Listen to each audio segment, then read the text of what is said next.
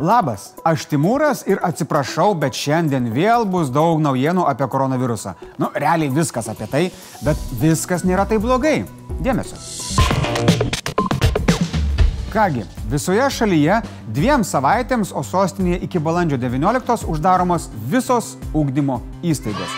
Per šį laiką jos turi sugalvoti alternatyvų mokymo procesą tam atvejui, jeigu situacija neišsispręs. Tėvams rekomenduojama dirbti iš namų Jeigu tokios galimybės nėra, galima kreiptis į sodrą dėl lygos išmokos. Dviem savaitėms šalyje atšaukiami renginiai, uždaromi kino teatrai, muziejai, sporto klubai ir kitos panašios erdvės. Jeigu kam nors atrodo dabar, kad priemonės yra pernelyg griežtos, tai galbūt geriau tegul taip atrodo dabar, negu kad po savaitės ar dviejų mes turėtume dešimtis mirčių. Gera žinia, kino pavasario filmus galima bus žiūrėti namuose, tačiau rekomenduojama nesėdėti prilipus prie sofos ar teliko, o dažniau išeiti pasivaikščioti, na bent jau į balkoną. Tokio dydžio ribojimai ir draudimai gali brangiai kainuoti ir verslui. Todėl premjeras žada per savaitę parengti ekonomikos gelbėjimo planą. Užtat jau dabar patvirtino pataisą, kuris Seimo valdybai leis, esant ekstremaliai situacijai, priimti sprendimus nuotoliniu būdu. O Karbauskis iš vis siūlo stabdyti Seimo darbą dviem savaitėms. Vyrai, jūs kaip kokie studentai. Tik sesija prasidėjo, o jau pasiplaut norit. Šiandien atšaukti artimiausi skrydžiai ne tik į Italiją, bet ir į Kopenhagą, Stambulą, Vieną ir Southendą. Sustiprinta ir kontrolė pasienyje su Lenkija ir Latvija. Lietuvoje sergančių koronavirusų padaugėjo iki trijų. Antradienį užsikrėtusių gretas papildė iš Italijos grįžusi kauniečių šeima. Jie laikomi Kauno klinikose, sako, jaučiasi gerai. Nors ir aš turbūt gerai jaučiausi po slidinėjimo atostogų ir dar koncerto. Medikai netmeta blogiausio scenarijaus, kad infekcija Lietuvoje gali išplisti žaibiškai. To priežastis - žmonių neatsakingas elgesys. Per daug žmonių rizikuoja ir neatšaukia kelionių į pavojingas šalis. Gerbėmieji, nusiraminkime ir būkime atsakingi. Viskas. Kol mes kovo 11-ąją šventėme Lietuvos gimtadienį, koronavirusas dirbo be išeiginių. Pirmiausia, Amerika. Ji užsidarė nuo Europos. Į valstijas žmonės patekti galės tik per Junktinę karalystę. Na, keistas JAV sprendimas, nes vakar Brexito gimtinėje fiksuotas didžiausias naujų susirgymų skaičius. New Yorko priemešio rajonas New Rochelle dėl didžiausio viruso proveržio visose valstijose izoliuotas nuo likusio pasaulio. Maistą ir kitus būtinus dalykus jo gyventojams tiekia nacionalinė gvardija. Be to, New York'e filmuojamos Late Night Show laidos atsisakė filmavimo su gyva auditorija. Aišku, sekdamos laikykitės ten pavyzdžių. Net Bideno ir Sanderso debatai vyks be publikos. Įsivaizduoju, du senukai tiesiog pyksis. Na ir žinoma, pasaulį sukrėtė žinia, kad koronavirusas aukomis pasirinka net garsenybės. Susirgo JAV nacionalinė vertybė Tomas Hanksas ir jo žmona. Kalbant apie Europą, irgi nelabai pajokausi. Lenkija uždraudė masinius renginius, uždarė mokyklas ir universitetus.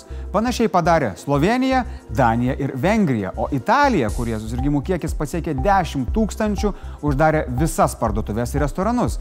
Čia veiks tik vaistinės ir maisto parduotuvės. Pabaigai norėčiau pareikšti gilę užuojautą šios laidos produceriai Doviliai. Anapilin iškeliavo jos atostogų Amerikoje planai.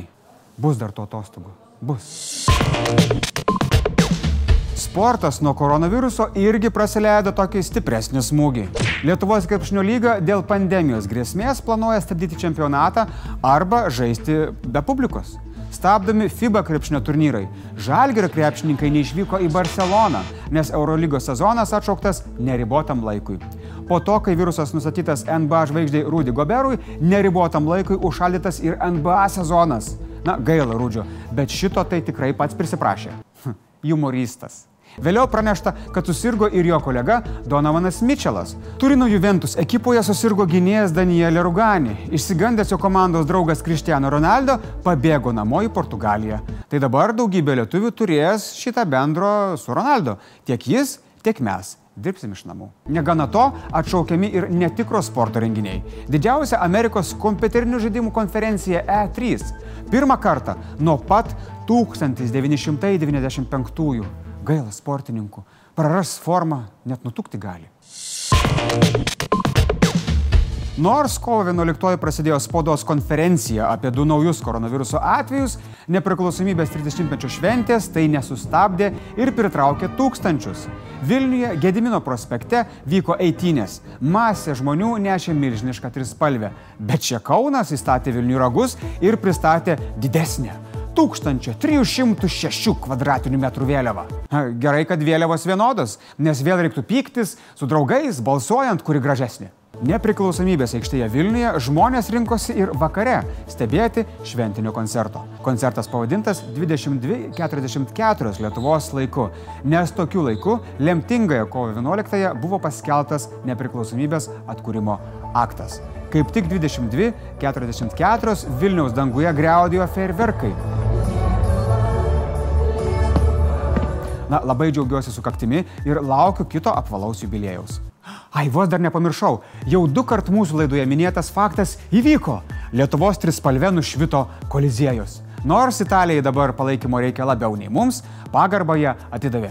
Gracija Italija, oi veidalėčių. Dar yra toks liūdnesnis. Į Romą prieš savaitę iškeliavo choras Langas, nes mūsų ambasada Italijoje norėjo, kad 30-mečio minėjime skambėtų lietuviškos dainos. Tai palaukit. Nerekomendavo vykti į Italiją, o chorą atsivežė kažkaip nesuprantu. Nu, žodžiu, bet virusas turėjo kitų planų. Tai Romoje koncertai buvo atšaukti, o dabar choristai neturi kaip grįžti. Ne, ne, ne iš Italijos, o namo, iš oro uosto. Anot kolektyvo narių, nei savivaldybė, nei jokios kitos institucijos neturi pasiūlymo, kaip juos saugiai nugabenti į izoliavimo vietas. Gerbiami valdininkai, prisiminkite matytus filmus. Žmonės galima vežti ir taip.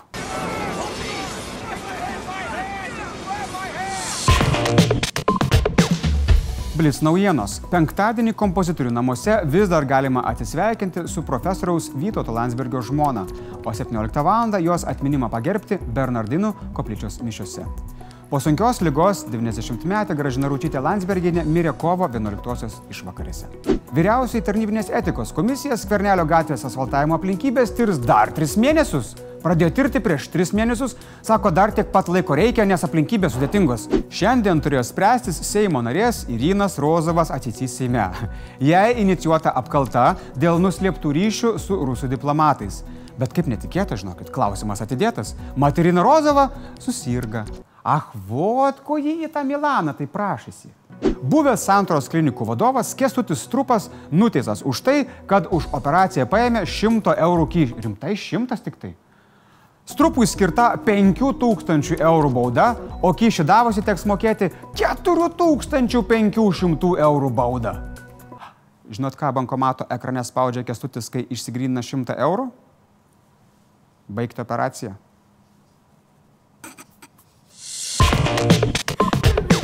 Kadangi šią naktį prognozuojama audra, noriu reporterę Silviją nusiųsti į pajūrį. Save gerbiančios žinios privalo turėti orų pranešėją. Remkite mus Patreone, nekeliaukite, o pažiūrėkite kitas mūsų laidas, plaukit rankas ir nesibučiuokit, nu nebent labai patinka. Tiek žinių.